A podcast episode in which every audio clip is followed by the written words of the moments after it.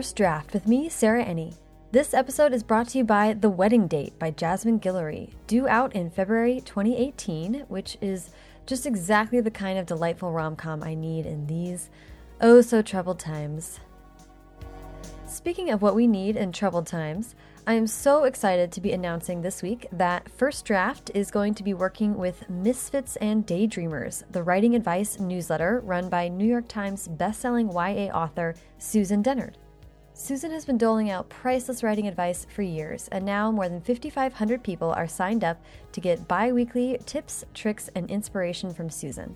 As part of our partnership, subscribers to Misfits and Daydreamers will get some bonus content from First Draft interviewees. That means transcripts or audio of the author answering questions from Susan or her readers. And Susan will be giving some writing advice to First Draft listeners in special episodes, the first of which will be coming out this week.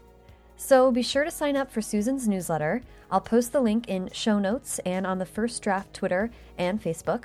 And stay tuned to the First Draft special episode with bonus advice from Susan. Yay! Okay, now on to this week's episode. This week I'm talking to Robin Benway, author of many books, including Audrey Wait and Emmy and Oliver. Her newest, Far from the Tree, was named finalist for the National Book Award for Young People's Literature for 2017. Robin and I have sat down before, so please be sure to check out her first interview to learn more about how she became a writer. For our follow up interview, we met once again at Robin's kitchen table, windows open to a warm Los Angeles day, her co pilot, Hudson the dog, snoozing on his bed. The year leading up to the release of Far from the Tree was a trial by fire for Robin and I'm so thankful to her for sharing her story with such honesty. I think you'll find it relatable and inspiring in equal measure. So grab a stack of post it notes, don't leave behind your cup of coffee, and enjoy the conversation. Okay, so how are you? I'm good. How are you? I'm so good. Yeah. We are back at your table. Round two, kitchen. so this is the second time you're talking. So I'm going to link in the show notes to our previous conversation where you talk about your childhood and growing up and how you came to writing. Okay. But we have a whole lot to talk about with your new book coming out. Oh, yeah. Far from the Tree. So exciting. So, first, before we get anywhere else, I'd love for you to just um, pitch Far from the Tree and give us a sense of what the book is about. Sure. So, it opens with 16 year old Grace, and she is pregnant, and the first scene she's giving birth to her daughter, who she has decided to give up for adoption. No spoilers there. and it's a real fast Oh, like yeah. within 10 i was reading it last night and like i was like wow we get to a lot in yeah. like five pages by the second page you're like oh she's giving birth okay yeah but um, she's really struggling with that decision she knows it's the right choice for her daughter who is now someone else's daughter. She's chosen a couple to adopt the baby, but she's really struggling with that loss. And in doing that, Grace herself has been adopted. And so she wants to find her birth mother. And in looking for her birth mother, discovers that she has an older brother, Joaquin, and a younger sister, Maya. And the story is told from all three of their um, points of view about just how they all grew up very differently. Maya was adopted at birth, as was Grace, but Joaquin wasn't. He wound up in foster care. Mm-hmm. And Joaquin is 17, and Grace is 16, and Maya is 15. So it's just about how they all come together. And in that sibling way, their lives start to intersect and blend, and the choices that one of them makes start affecting the other 2 mm-hmm. like family does. So. Yeah. When we talked last, you had like it was it seemed like this pattern that your book ideas come to you out of the clear blue sky. Yeah. Unfortunately, yes, that's the pattern. How did this idea come to you? How did out of the clear blue sky? Like literally, I had I had tried and tried to write a book, a follow up to Emmy and Oliver. Yeah. And I, I just couldn't nail down an idea, and I I wrote like 50 pages of the same book and wow. it just wasn't right. I was writing words to write words to meet like a word count, but I was just filling space. I wasn't actually putting together a story. And my agent was finally like, you know, I don't know that this is the idea for you. It felt good to hear someone else say that. So I finally just had like an email with my agent and my editor, Kristen Pettit at Harper, who was my editor for Emmy and Oliver. And I just said, I don't have any ideas. I need to walk away for a while and just figure out what that is. And like a week later, I was in a parking lot in Costco and a Florence and the Machine song came on. And I heard the first line, which was a falling star fell from your heart and landed in my eye. That's the very first line of the song. And I was like, that's adoption. And it made me think of like a mother's love being transferred to a baby, even though she doesn't get to keep that baby. Mm-hmm. And immediately I was like, this girl's 16 and she goes looking and she finds her siblings and all three characters came so vividly so fast i mean literally the song was still playing the song wasn't even over yet Wow. and I sent an email right there in the car on my end, and I sent it to my editor, and it was just this long stream of consciousness like, this is the story, this is the idea. And she wrote back immediately and was like, this is an idea. Like, this is a good book. You should start working on it. That's super interesting because you said that that's how Audrey Wait came to you. Yes. And I have to say, Audrey and this book, Far from the Tree, both came to me that way. I mean, Emmy and Oliver came to me, but it was a much more slow. Like I had an idea, but then figuring out who the characters were Yeah. was tricky. Whereas these characters, I just knew them right away. They just showed up. Yeah, That's so yeah. wild. Yeah, so good thing. I want to talk a little bit more about that because just even imagining writing that email, yeah. like I have to walk away for a while, Yeah. that must have Yeah. been really difficult to do. It was very difficult. I in the time that we've spoken 3 years ago, I spent a lot of time thinking, am I still a writer? Like I am a writer. I will always be a writer. Am I an author still? Because I just even once I figured out the idea of Far from the Tree, I mean, my book was a year and a half late. It should have been out in summer of 2016, and now it's pubbing in October of 2017. So it was just a really hard book. It was hard for me to figure out how to tell the story. I knew it, but I couldn't figure out how to tell it. And I wasn't sure that I was ever going to get to that point where I could actually write this book, even though I knew it. Well, do you feel like, and I want to differentiate between the time you spent writing the wrong book Mm-hmm, and then the time you spent with Far from the Tree because it seems like the difficult there were difficulties on two fronts. Yes. Like yes. maybe you were in like a non-writing place. Yes, that's for a exactly. while. The way I explained it to myself to kind of make peace was that I had been an author for a long time and I needed to go back and be a writer. Oh, and so I left social media for five months. I walked away from, not walked away, it wasn't like I had a thousand promo opportunities, but you know, I just stopped promoting all of my other books. I walked away and I just kind of took a step back and a big step back and I read and reflected on what do I want to do because at the end of the day being a writer is more important to me than being an author if that makes sense. Like I will mm-hmm. love to write books. I will write books for as long as people let me, but if I have to pick between publishing books and being able to write just for myself, I will always pick writing. So Well, that's like that seems like a really big thing to have to choose. yeah. Yeah, it got to the point where I was like, I might have to choose between these two things. Wow. Yeah, it was a really. intense. I feel very grateful for all of the wonderful reception Far From the Tree has gotten because it was born out of a lot of anxiety and uncertainty. You know, with publishing, you just don't know what's coming. You never know what's coming. You could get a fabulous email, and then the next day you could get a terrible email. So I really had to figure out if I am going to write this book, I need to make sure it's a good book, and if that means walking away for a while, then that's what I need to do. So Well, wow. You are a full-time writer, but also people who are in this know that like that doesn't mean that you have security or that there's a consistency to your life. yeah, yeah, exactly. you know, so- it's so funny. I didn't ever.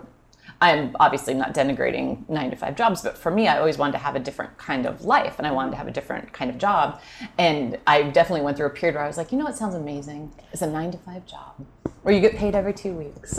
Yeah. and then you get health insurance and a 401k. Like I definitely went through that phase, and I don't. I still do not at all regret becoming a writer. Obviously, I'm very happy with my life. But there was a dip for a while where I did feel like, did I make the right decision? Right. After five books, I was like, am I am I done? Yeah, I've been thinking a lot about this lately.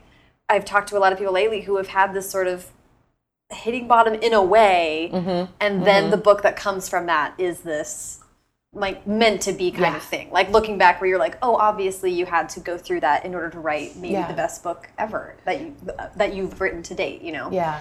Um, That's what I kept telling myself. I'm like, this has to be for something because, you know, right before I wrote Audrey, my first book, which is going to be 10 years in April that it was published, which is insane. But right before that period, I went through a really difficult time of sickness and loss and death and and uncertainty. And from that came the start of an amazing career. So I kept telling myself, everything has a crest and a trough. And if this is the trough, then that means the crest is coming. And that's sort of what I clung to. You know, when I was deep in it and not feeling great, I was like, this is a career. You have ups and downs and uncertain times. And I had to keep telling myself that. Yeah, that's a lot. Yeah. And then and you wrote three books in three years. I mean, Yeah. you had been like on this crazy pace. Yes. That Yeah. sort of isn't maybe sustainable. I think for some people it is. I think some people work really, really well, at, are high functioning at that level. Yeah. And I think I am at times. And I mm. think by number three, I was like, oh, I'm just burnt out. Like I was just burnt out. Well, a Yeah. book a year, which is a lot of uh, people who are making their careers writing for young adult, Mm-hmm, talk about that being sort of what publishers want as an ideal.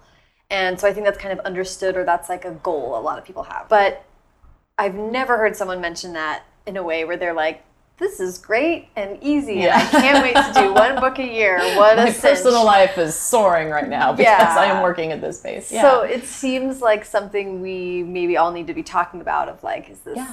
An Is acceptable? Yeah, Yeah. sustain- I don't know. It's just it seems like that is a very, very difficult thing to ask. I think it's hard to put that expectancy of result on every author. You know Yeah. what I mean? It's just impossible because again, some people can do that, and then Yeah. they have to take a couple years off, like me. And then some people can produce four books in a year because they're writing middle grade and picture books, which is wonderful. It's, I mean, I'm so glad that people can produce at that rate, but I don't think that's a fair thing to put. And to be fair, it's not like publishers are like, you publish a book a year or nothing. Right. You know, they're It's not, like a publishing gulag. no, no, you're out. But at the same time, you do feel that pressure to produce at the level that everyone else is producing at, not only in quality but in quantity. Yeah. So, um, just one more brief question about the book that wasn't, because um, I think I think I remember you've had like false starts before, or you've had some ideas that didn't end up coming to fruition. But what do you think it was about that idea that wasn't working, or when you think about that book, where does it sit for you? You know, there were two versions of the book. One involved just two girls, and one involved a girl and a celebrity. Oh, interesting. And I think for the celebrity thing, I just felt like I did this with Audrey. Like I, I mm. explored the concept of celebrity. And I think it would have been different. And maybe it will still be a book one day. I mean, I love the pages that I wrote and they got a very nice reception. But it just personally just didn't feel right. And then it's also that thing of do I want to talk about this book for the next three years? You know, do I want to tweet about this? Do I want to sign the paperbacks at because you know it's not just writing a book you have to really be behind the book that you've written more than anything live with it. and to live with it. And I thought, is this the book that I want to talk about? And I just thought, this isn't the right book for me right now. I just didn't feel right. The same concept, but with two girls, two friends as the main characters. I just couldn't figure out what their story was. Mm-hmm. And I think more importantly, because I couldn't figure out uh, the main character stories of Far from the Tree right away either, but I wanted to.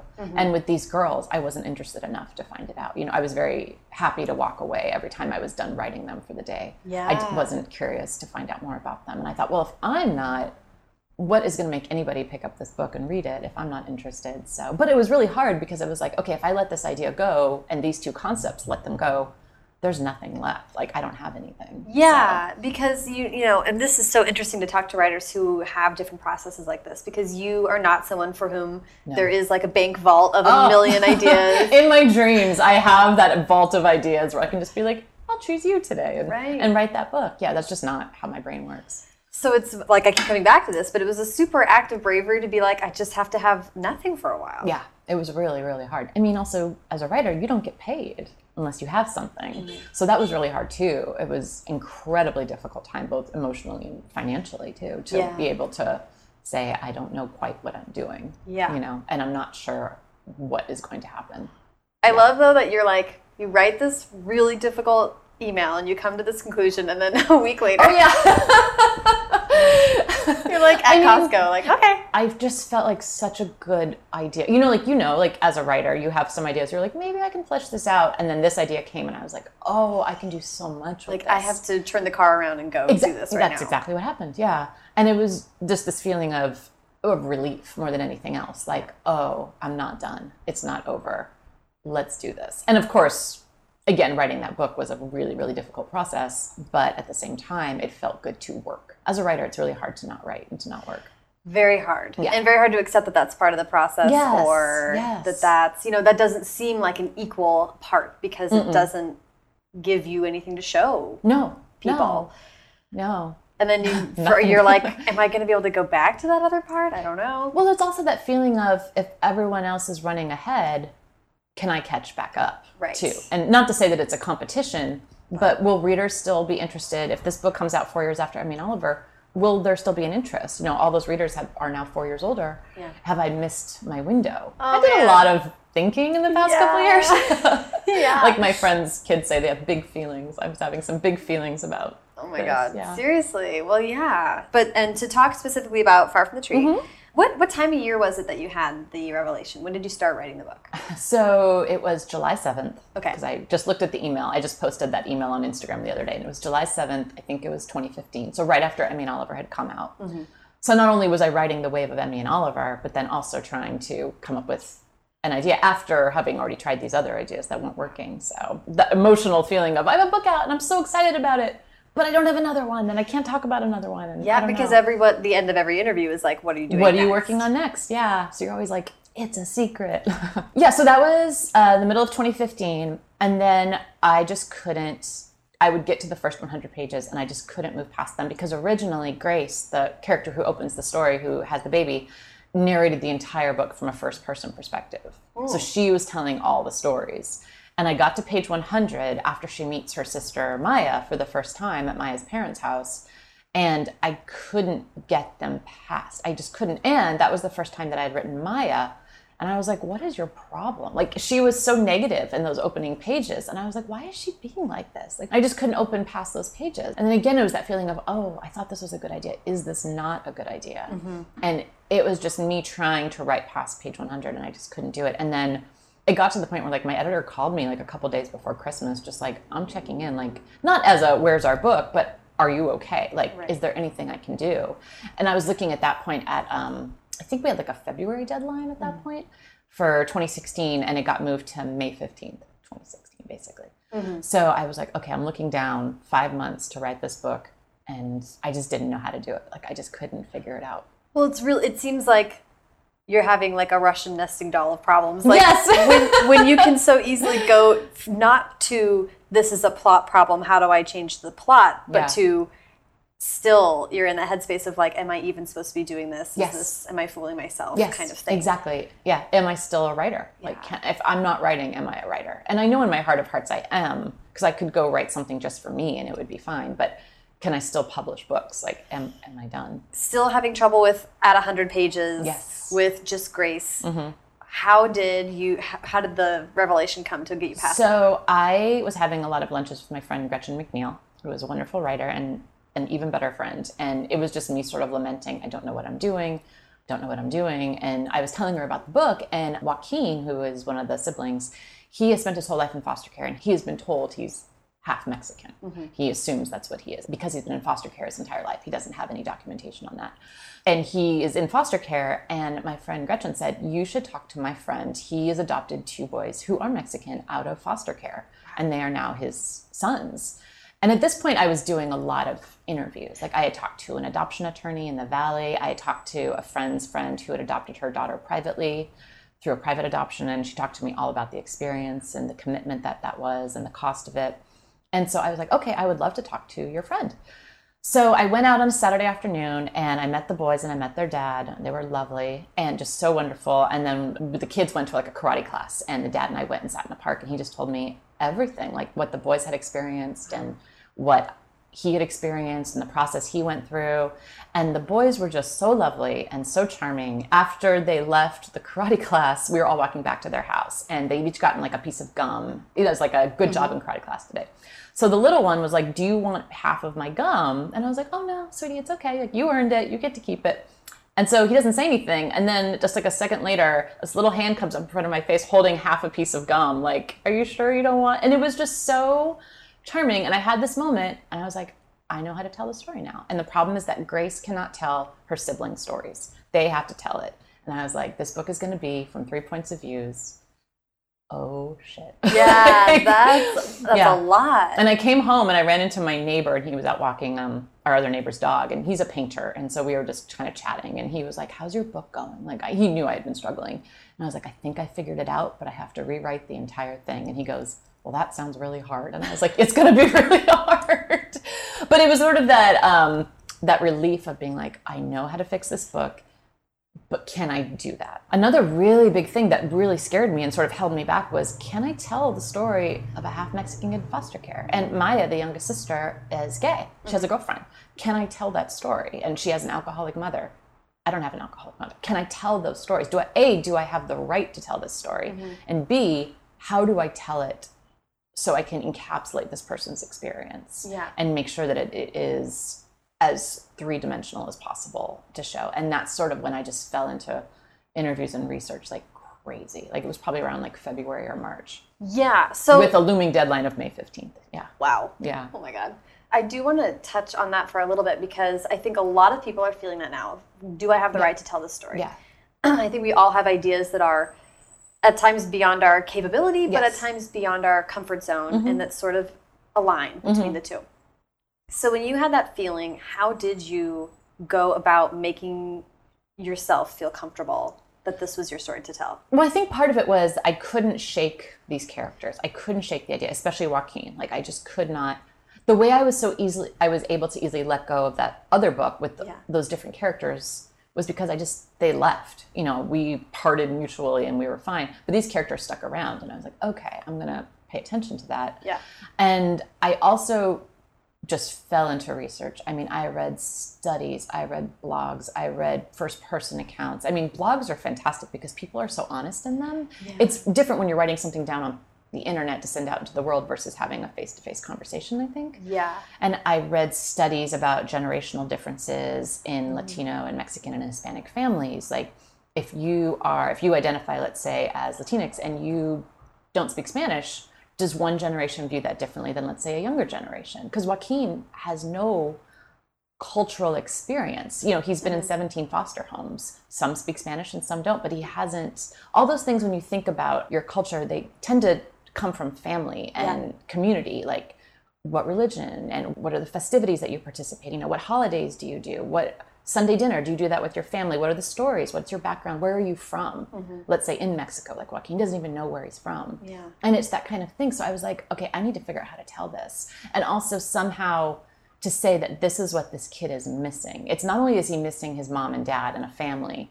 I read a lot about biracial kids and like a lot of first person accounts. And the mm-hmm. thing I kept reading was that they were too much for one and not enough for another. And the way, which is, let me clarify, I don't think that's true at all. But the feeling that they were getting from certain people sometimes was you have to pick a side. Right. And so Joaquin feels that intensely as a foster kid because as a foster kid, you're sort of, you're like a data entry sheet name, date of birth, age, gender. You have to identify as a gender, you know, like you have to know all this stuff. Right. So for him, he doesn't have a toehold in any of these worlds, and it's really difficult for him. And then um, I also interviewed some of my friends. Um, one is from Mexico, and one is from Costa Rica. And my friend from Costa Rica is a professor of Chicano studies at um, CSUN at Cal State Northridge.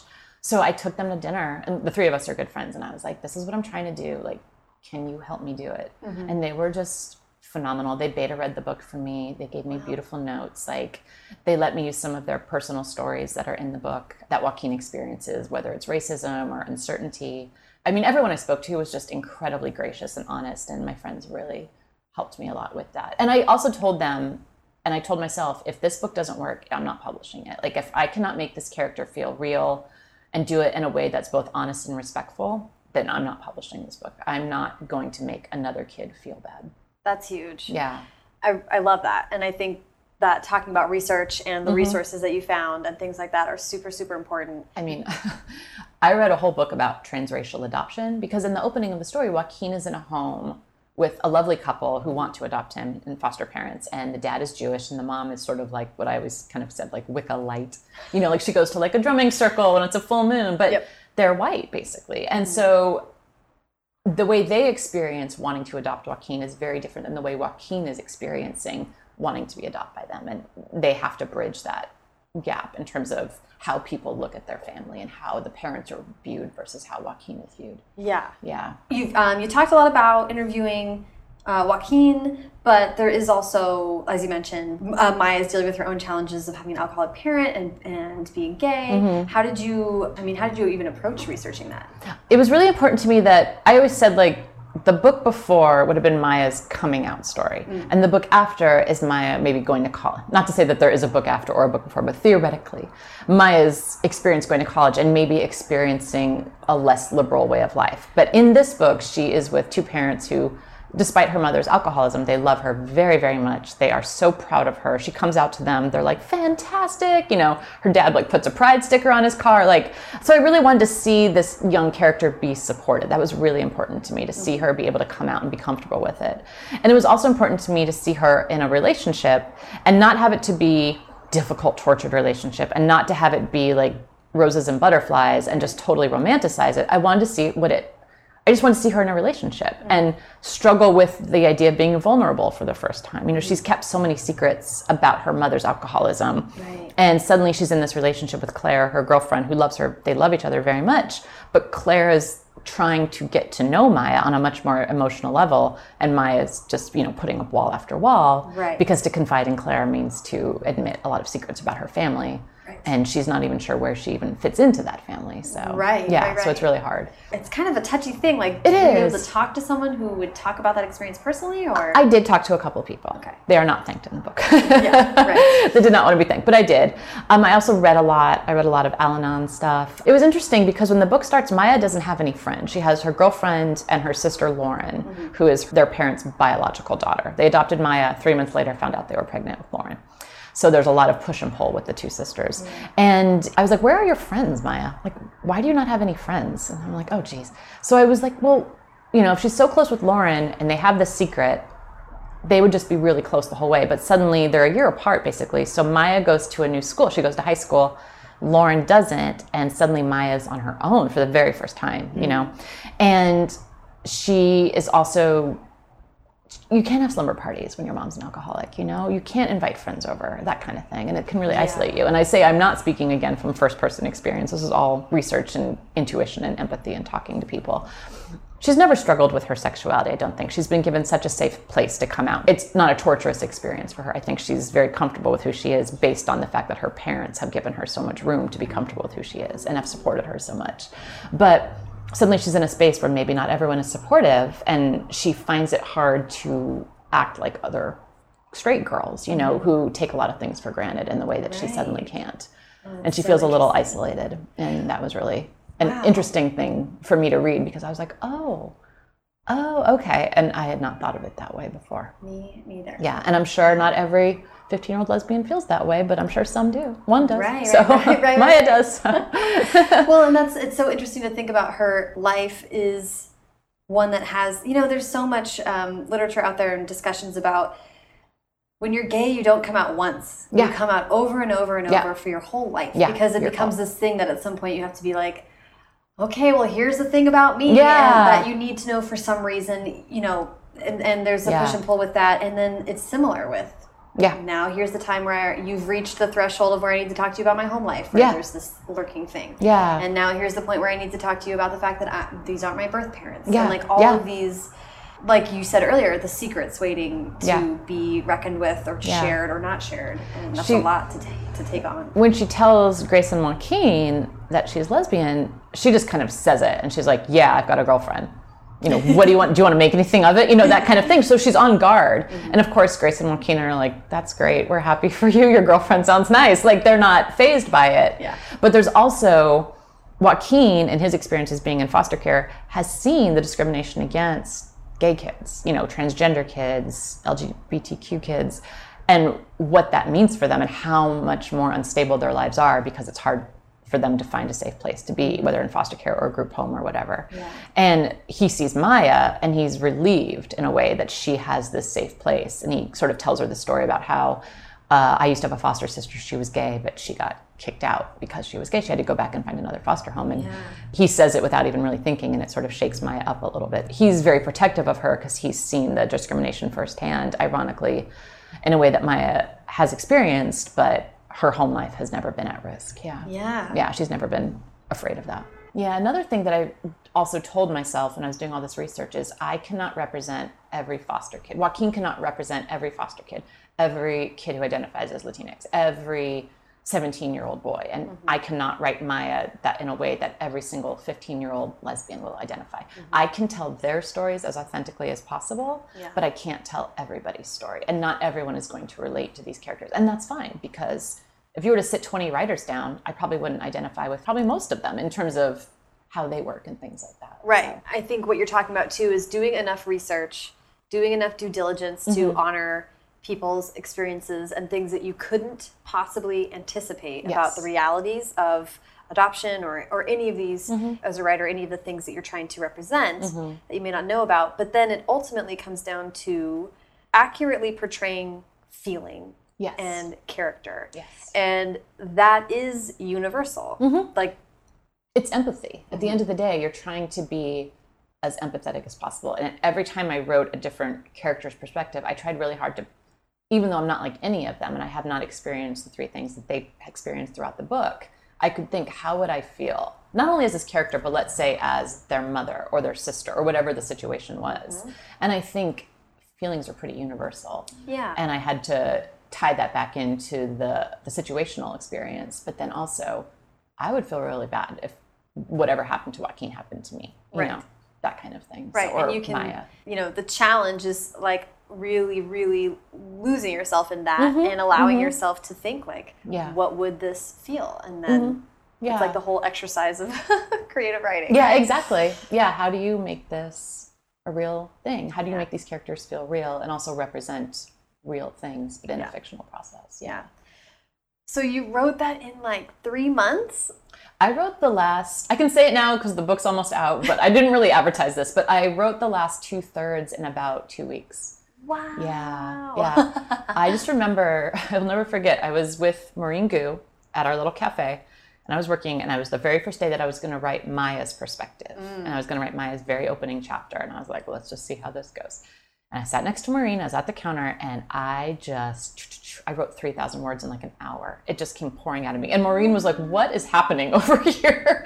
like, what are you doing? I'm like, don't talk to me. I'm writing so fast. I've been waiting like a year to write like this. wow And the story, I would just go to our, my little cafe every day. Dinosaur, I thank them in the book. I would just sit there every day and I would write three to 4,000 words. Wow. And it just came like so fast. And I had like a little bullet point list of like, this happens, and this happens, and this happens. Like, Yeah. this isn't great for the podcast because you can't see it, but behind you, you can see how I mapped out. A couple post its have fallen, but I just had to like see how each plot point for each character lined up. yeah there's post-its for every character with different colors and then all of their different plot points and to see like when something happens progress. to Grace, what happens to Maya and Joaquin in that time too. i did this on a whiteboard oh, with uh, there was one main character in my book but two side characters who are very important. Mm-hmm, and Uh, i had a whiteboard and i just like bifurcated it into four acts and what everyone was dealing with in each act. And then i kind of it was like a visual thing of like well that's how the plot goes. Yeah, and it was yeah. so helpful. It helps you so much. And for me, I love a li- I love lists, and if I can literally be like,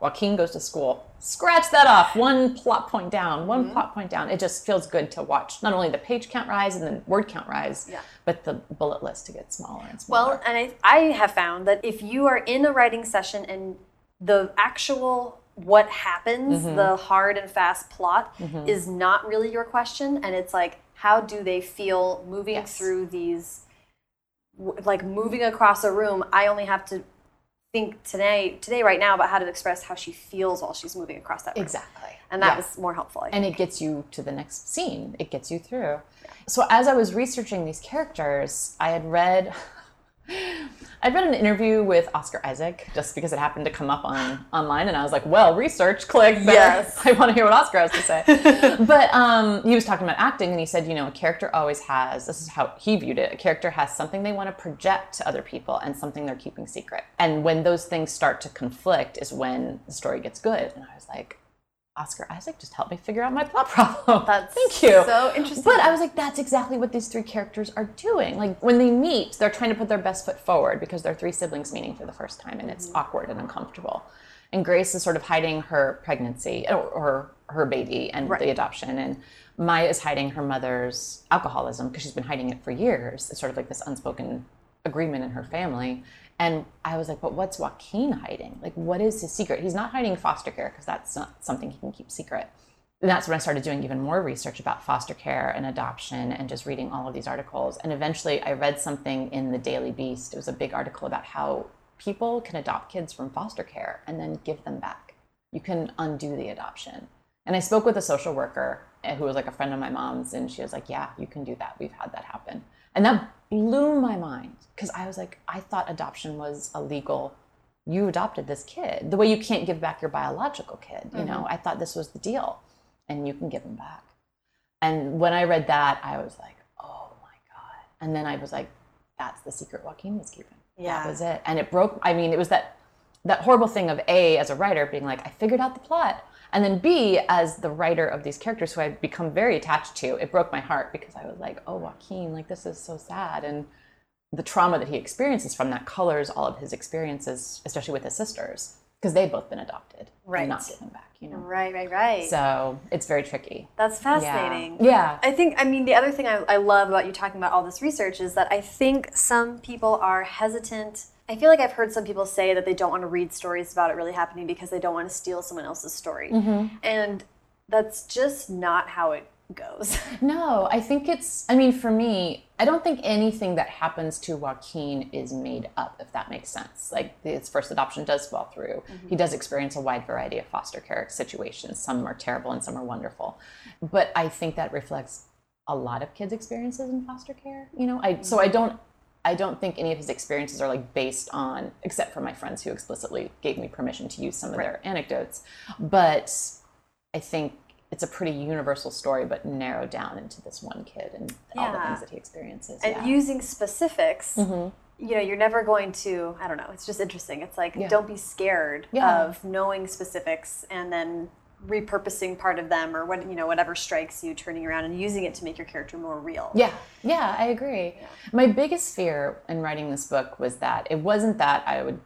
Granted, I didn't want to get anything wrong, and I, I didn't want to be pilloried on Twitter. I, I didn't want to be dragged, but I'm a big girl. I can take my lumps. My biggest fear was that I would get it wrong, and some kid who experienced what Joaquin had experienced would say something to the effect of, "This book, I, it's wrong," and that scared me the most. Yeah. And that I didn't want to hurt a reader. I Which read is a big burden yeah. to carry. yeah, it was. But as I kept writing, the story kept unfolding itself and the plot started coming together and the bullet point list was getting shorter and I knew I could see literally the lineal passage of time and how their characters were not only coming together but finding themselves as well. That's how I felt like, okay, I'm doing something right. Like I'm not stalling out the way I was for the past year and a half. Yeah. Yeah. What a relief. Oh my God. You'll never meet a happier writer than me in that cafe, just knocking out words. I mean, at a certain point, I was like, I don't even know if this is good, but I'm just going to keep doing it. Yeah. And I'm like, someone will tell me if it is or if it isn't, but I'm just gonna keep working on it. Yeah. So that kind of brings me to the other part of the book that I want to talk about, which of course is it was longlisted for the National Book Award. Yes. Congratulations. and at the time that we're recording this, we don't know. I mean, the long list is all that's out there. So, Yes. Yes. um, uh, but congratulations for at least that. Thank you. What a phenomenal day that was. so Yeah. exciting Yeah. and and i want to talk about not only the whole experience of finding out about that and all that interesting stuff but also like what that meant at the end Mm. of this being such a journey personally and such a journey with the book to have we so rarely get outside validation Yeah. like that Yeah, it meant. I mean, I'll I'll probably start crying. Like it meant so much. Like it's not something that I normally. Reviews are lovely. Great reviews are lovely. Like having people read the book and respond is always the best. But to have, especially those five judges, like who I have so much respect for, who I just think are phenomenal writers, to have them say we think this book is one of the ten best that we've read, just I, I don't even i'm a writer. I don't even have words. Like i don't even know how to express especially on the heels of so much difficulty in getting to that point. To have people respond in such a positive way it felt like a relief more than anything else well i was going to yeah. say because our friend brandy colbert also Yes. Mm-hmm. um, when she finished uh, little and lion which is brilliant and has gotten tons of amazing great reviews she was like i don't know. Is it good? Mm-hmm. So it struck me that you must have been in a similar position. Well you spend so much time with the book. As i always say like you finish it and no writer's like this is an amazing first draft. You're like please take this and fix my book. Yeah. and then you just keep editing and editing. So you're you're focusing so much on what's wrong with it which is good because you're trying to make it better. But then you do copy edits and you feel like an idiot because you did, you have no idea how much you didn't know about the comma and the em dash. And then so you do your copy edits and then they're like great we're going to publish it. And you're like there's no way this book can go out. It's terrible. I all because all you've noticed are the bad things, and you spent so much time with it. You just you get such tunnel vision, you lose all perspective. And you know every version of that book. So it's Yes. like, what is even What did I do? what is the experience of someone reading this without all Without of that. those previous drafts? you know, it feels crazy. That's what scared me too, because I was like, you know, I can't.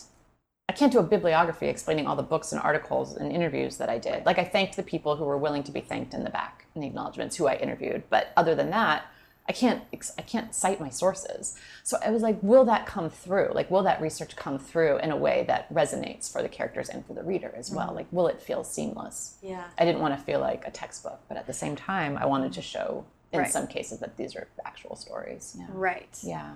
so, so what was the? How did you find out about it? Tell me the whole story. So I was at my mom's house. Um, she was moving that day, and so I had gone down to help with a few things, and then I had to get on the road around 10 a.m. So I got up around seven, and I went on. I had my coffee always first thing, and I just went on Twitter because I was like, oh, I want to talk. It was three weeks out from pub date by that day for Far from the Tree, and I was like, okay, I want to just tweet a little about, about Far from the Tree, just to remind people. And then there was an ebook sale for Emmy and Oliver, so I wanted to tweet about that. And as I was like, I want to get this out of the way because I know I'm going to be busy for the rest of the day, so I just need to tweet now. And as I like tweeted and was looking through my feed, and Lisa Lucas, the executive director of the National Book Foundation, put up the link and was like, the long list for young people's literature is now live, and it was a link to the New Yorker article. But I'm like, oh, cool. Let me see if I know anybody because I didn't, I didn't even know that I had been submitted for the award. Like I had no, no idea. I mean, you always think of those things and maybe I will be, but never like an honest to God, this is an actual possibility. Like maybe I'll win the lottery. Maybe I'll, you know, that kind of thing, like where mm-hmm. it's all theoretical. So I click on the link and it's alphabetical by author, and I see Elana Arnold's name, and I'm like, oh my God, Elana, oh my gosh, I'm so happy for her. And then I see my name, and I just, I just white it out. Like I just, I just, get, I made a sound. I don't even know what it was, but my mom just came running, and she was like, what? How? Like she was like, are you okay? Like what happened? And I was shaking. I just kept saying, mom, mom, mom, and I was shaking. And then right then, my phone started to blow up. What was so sweet is I was getting texts from like people from my former publishers Yeah. and my friends and just immediately and then I could see my Twitter feed and all the notifications were just like it was like watching like a slot machine. You know, just the number kept Yeah. going up and up and I mean, I get chills thinking about it now because it was just like. I worked so hard on this book. Like it was so hard, and I emotionally, it was a really one of the worst times of my life leading up to this book. And so to have people recognize it and to have my friends be so happy for me. Like to have so much so many people in publishing both my friends and publishing people respect that was just like It's i don't know what to say. like yeah it was just i just felt so happy. I just felt like i felt like okay this is the crest. Like that was the trough. That was the hard time. Like at one point when i was writing far from the tree i called my mom at like five in the morning and i was sobbing and i was like i'm gonna lose my apartment I can't do this. And I'm going to have to give back the money and I'm going to lose my apartment. And my mom just kept saying, No, you are not. You are going to write a book. You know, she was just like, This isn't going to happen. She was so sympathetic and so supportive. This book would have never happened without my mom. Like, it just wouldn't have. But so to be with her, I just happened to be there when the long list came out was just so wonderful. And then, like, she was texting my brother and sister in law and they were like, "This is a big deal." And my mom was like, "I can tell it's a big deal because you keep leaving your coffee." Like I kept like I just wandered in and out of. I was supposed to be helping her pack the final stuff, and I literally just wandered into a room and set my coffee down, then wandered out, and then I would go look at Twitter because I was trying to keep up with. Yeah. I was just really fo- for some reason I was just focused on like not acknowledging everyone's nice words, and I just couldn't keep up. But I just wanted to like keep seeing it, and oh my gosh, I'm still on a high. It was like two and a half weeks ago, and I'm just on such a high. Of course. Yeah. I mean, it's so. It's like I'm getting emotional hearing about it because it's like I just knew how hard the year was for you. Yeah. And like, Yeah. and then there's such a weird, even being approximate to it, it was like, what? It was like, oh my god, that's my friend. And you just like want to walk outside and be like, did you guys know? This is my friend Robin. It's so uh, funny in LA. Everyone's like, "What's that?" Whereas I'm sure in New York, everyone's like, "National Book Award." I know people are like in their cubes Yeah. all over New York, like refreshing the page, you know, and then you walk around here and you're like, Yeah, in LA, everyone thinks you're a screenwriter, which is totally fine. It doesn't Yeah. matter. But yeah, it was, and also to be on that list with those authors, like that blew my mind as well. Like, it's such an insane list this year. yeah, it was such a good list, and just to be there and just to see my book cover there, and like, I don't, I can't imagine what would happen to feel better than that. Like, I feel like everything that I went through was worth it. And not to say that awards matter, but to be on that list with those books and to be chosen by those judges was just, it was a one of the best I mean, not only my best publishing days of my life, but one of the best days of my life. Yeah, it well, felt we, so good. We so rarely get, oh yeah, you know, in, in a happy day. Exa- well, yeah, and in any endeavor in life, you know, this is like weddings, births. Like we Mm-hmm. so rarely get moments where you're like, stop, reflect. Yeah. This is a marker of time. Yeah. This is a way to summarize an achievement. You know, it's they're far and few between. Mm-hmm. Yeah.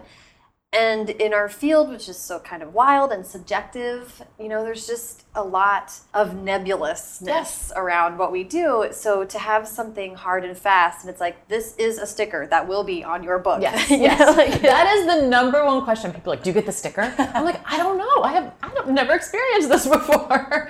They, don't I, went to the website and it has your cover with the little sticker. Yeah. And I was like, yeah. we shall see. It's yeah, exciting. everyone wants to know about the sticker. So I love that, that we're like, we know that. yeah. There's swag involved here. But I think it's also so rare to be just surprised by something. Like just to be shocked. Pleasantly surprised. Pleasant. Oh, okay, that's fair. Unpleasantly surprised. I'm like happens all the time. Yeah. But pleasantly surprised that way. It was just like Yeah. so much fun. Everyone was like, "Did you know? Were you sitting on this?" And I was like, "No." Oh my god. Like nobody knew. Like my agent didn't know. My editor didn't know. Like See, that's a, that is one of the interesting things about it. Because Yeah. I think, you know, as Yeah. an outside observer, you're always like, you know, there must be something. And it's someone like, knows. no.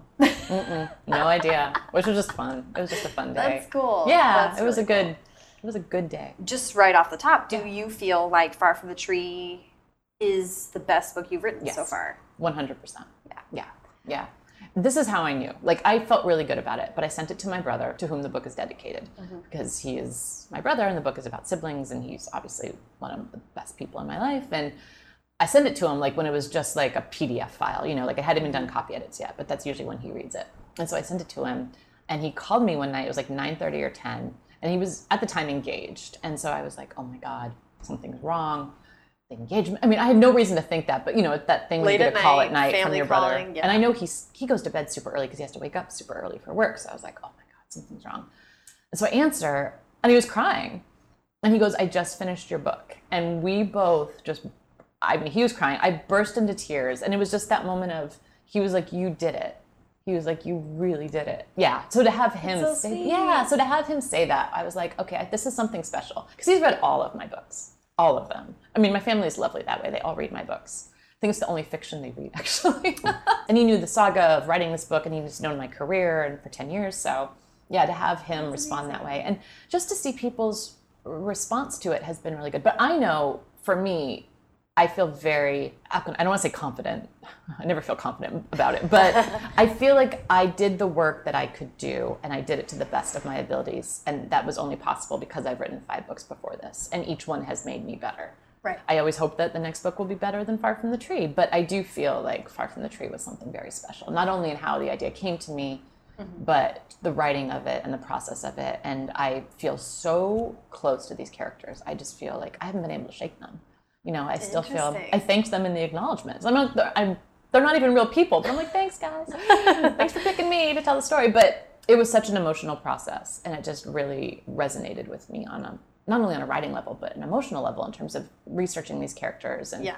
But it, it seemed like when I was looking back at your career, Emmy and Oliver felt like this step, a transition to this new sort of phase of career. Or Yeah. well, I'm saying that I'm saying that's how I see it. Yeah, but I'd love to hear absolutely. yeah how you think about it. I agree too. I think part of the thing that not only I was concerned about, but my agent and my publisher were concerned about is what's a worthy follow up to Emmy and Oliver. Like I was very happy with Emmy and Oliver, but what is the next step? You know, and it didn't feel like I could go back to something like Audrey Wait or the Spy series, which I love those books and I'm very proud of them, but it didn't feel like I could write like a fluffy rom com, and I love fluffy rom coms. I love to write them and I love to read them, so that I'm not at all denigrating the genre. Yeah. But I just felt like okay, and I really like writing family. I love writing about families. I love writing about parents and that transition from going to a teenager to being an adult and how that affects the family dynamic. And So, and, and I mean, it's just like I don't necessarily have a pointed question about this, but the feeling of not only is the award a big moment just for this book alone, but I Mm-hmm. feel like it represents kind of a pivot, I think, or, Yeah. or it could. I mean- how are you thinking about this phase of your career and going forward, and where are you at in that process right now? that's a really good question. I honestly don't know. I mean, at this point, when we're talking Far from the Tree, isn't even out yet. Right. I don't even know. But I feel like I'm just trying to enjoy it right now. Like I'm not I don't have another book idea right now. I don't. Which is what I said when we talked three years ago, I and now look where we are. I look forward to three years from now I when we know, talk again. seriously. But um, this whole experience has reminded me, or really underscored for me, to trust my instincts. That if a book isn't right, don't write it. I'm not good at it. No one else is going to want to read it. And it's told me to follow the characters that may seem difficult or hard to write because maybe those are the ones that are going to be the most dynamic and the ones that will give me a book basically and help mm-hmm. me write something about them. I'm really glad that I chased these characters or followed them for so long and, and tried to figure out who they were because it ultimately has paid off. More than anything, it's taught me to trust my instincts. Mm-hmm. I also, when I was writing um, Far From the Tree, took a really big social media break. I just mm-hmm. disappeared for five months.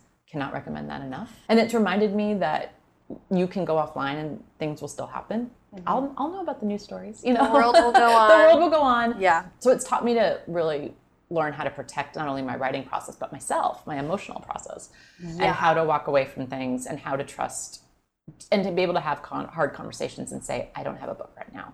Yeah. I don't know if I'm going to. And that's really hard. I think social media can, in some ways, contribute to fear Yes. of taking on certain kinds of projects. Yes. I agree. And I think you agree. need, I think what you, that you are right, that you did yourself a favor by stepping back and just, you just need time to examine what a story is going to be. Mm-hmm. It's almost like you gave yourself time to just be in that phase, in that inward phase, because the outward phase Yeah. is when you have all kinds of questions or you worry about how people are going to feel when they read the book Yeah. and stuff like that, which is Yeah. a very legitimate phase, but you can't take that burden on No. when you're No. You just know. have to keep it for you and try to write the best book.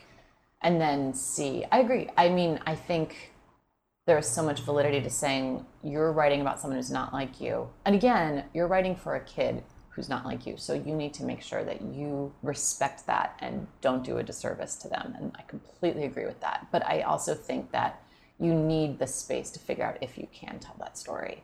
And then also find the people who will tell you if you can or cannot tell the story. Tell the story and then see if it works. Like I gave the book to um, my friends, the one who was a professor at Cal State Northridge, and then our other friend. And I was like, tear it apart. Tear it apart. Like, tell me what is right and what's not. And they had wonderful notes. And I was like, this is great. Thank you. And I gave it to Brandy Colbert, who blurbed it for me. And I was like, if anyone will tell me that this book isn't right, Brandy will. And I told her, I'm like, don't be my friend right now. Like, be like be a friend to me in that tell me if this book isn't working and if it's not working we'll figure it out yeah. she just said the loveliest things about it like i still i saved her email and i still sort of reread it every now and then just because when i'm doubting myself to see brandy's words because i knew that she would be someone who would be very honest with me Yeah. as a friend and she just had wonderful things to say and i was like okay like i feel like i did it sounds weird to say but i feel like i did my job but i feel like okay like i i'm comfortable with this book going out yeah I don't think it's wrong to say you did your job. I mean, that's, that's, that's definitely the way to think about it. Yeah. And I think that's an important, and, and I, know- I'm, I'm trying to avoid saying permission because that's not, no i agree i that's understand not what what we're talking about. But, Yeah. uh, but it is like the fact that you could talk to people who aren't even writers, people who are just, does this pass the sniff test Yes. for you as Yeah. someone who has experienced this in some way, shape, or form? Yeah. People who may be ta trying to tackle subjects that make them nervous. yes That's so powerful. Yeah. A big thing for me was in taking it to these people, like I was very upfront with my friends and everyone who beta read the book. And I was like, you know what? I am a white woman from Orange County, California. I have wheelbarrows full of white privilege. and I was like, I will not be upset if you tell me this book is wrong. I do not want to misrepresent anybody in any way possible. And I also was very conscious of, I didn't want to be like, I read a book about foster care. I get it now. Or I talked to my friend who identifies as Latina and I understand it. I got it. You know, I wanted to be very honest about, I did all this research, but it doesn't mean that I have been immersed in that life.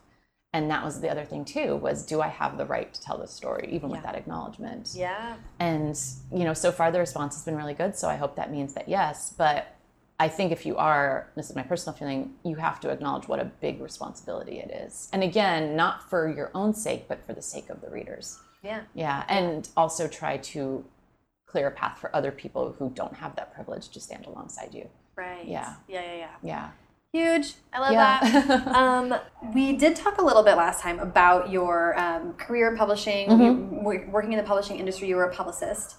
Um, and you worked as a publicist and event coordinator for a bookstore. Yes. I would just love to hear, you don't get to hear from them very much. It's kind of a mysterious part of publishing. Yeah. What does that job entail? What did it entail for you then? And what do you think? I mean, there are Yeah. many challenges now that you didn't have to deal with. I mean, I was a publicist basically before. I mean, we had the internet. I don't mean to sound like I'm a thousand years old, but there were no blogs. You know, there wasn't certainly no social media. Like, and it was almost 15. It was probably 15 years ago that I was a publicist. So Mm-hmm. things were just starting in terms of the idea of a blog or a entertainment or something like putting stuff online. Like there wasn't even no YouTube. booktubers. No, oh my gosh. And I mean, I can't even imagine being a publicist now. Like, I probably could do it, but it feels like, I would say, like, it's a young person's game now. Like, it's a 24 year old's game because they've grown up with that social media in a way that I haven't. And I think I enjoy publicizing books and talking about them in social media, but I don't think I could do it. The w- things that they come up with and the things they think of and the work that they have to do across so many different mediums, I'm like, oh my God. And then you're still reaching out to uh, traditional media too, like NPR, morning TV, like whatever the book is, you're still trying to get newspapers. But does that resonate the way that a booktuber does? You know, it's the game has changed so much. Like, if you get reviewed in the New York Times, does that affect sales as much as having a popular booktuber talk about your book? Does it or not? We don't know. I mean, I don't know. I'm sure someone knows somewhere. Yeah. But it's an interesting thought. So, as a publicist, it would be very interesting to.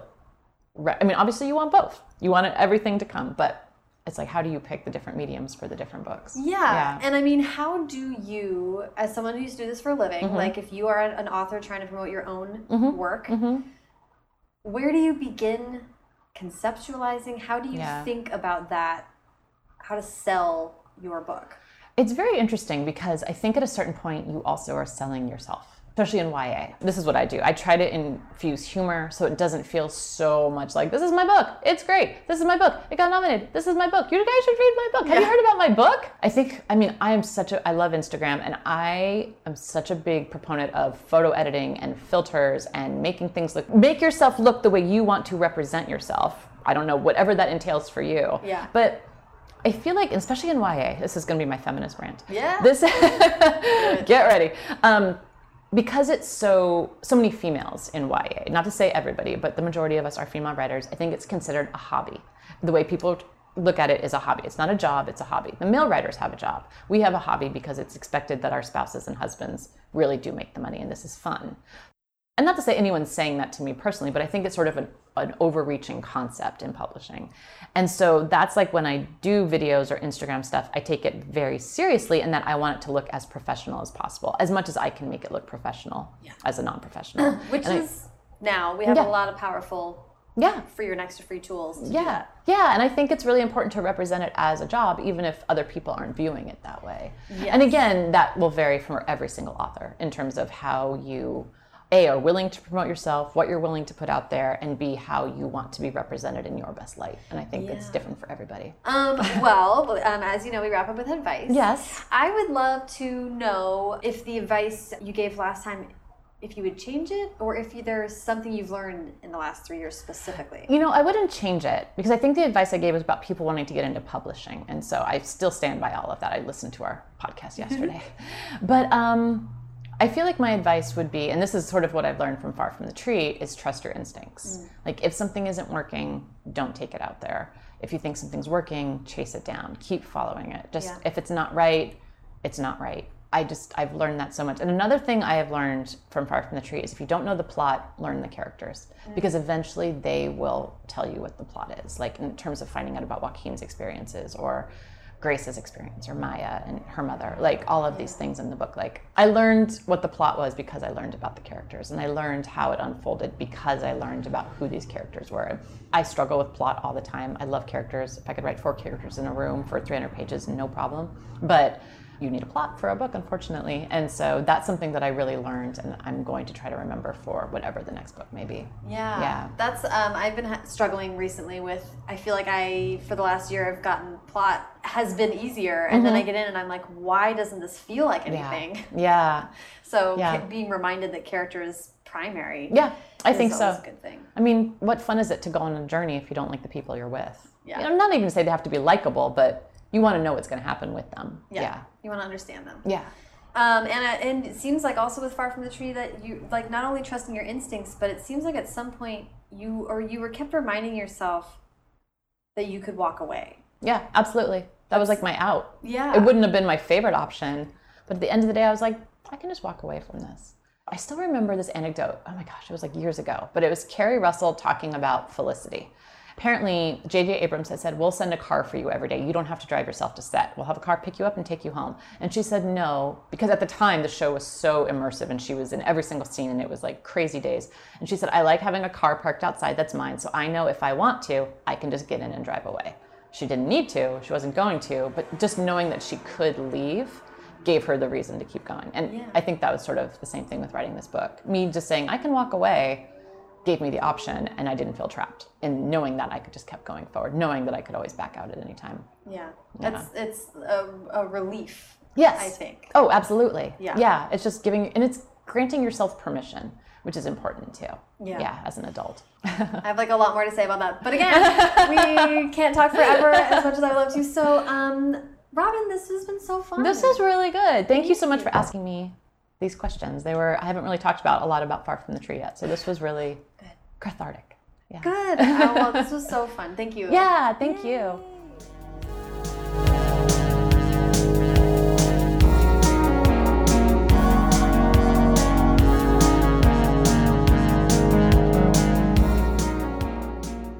Thank you so much to Robin.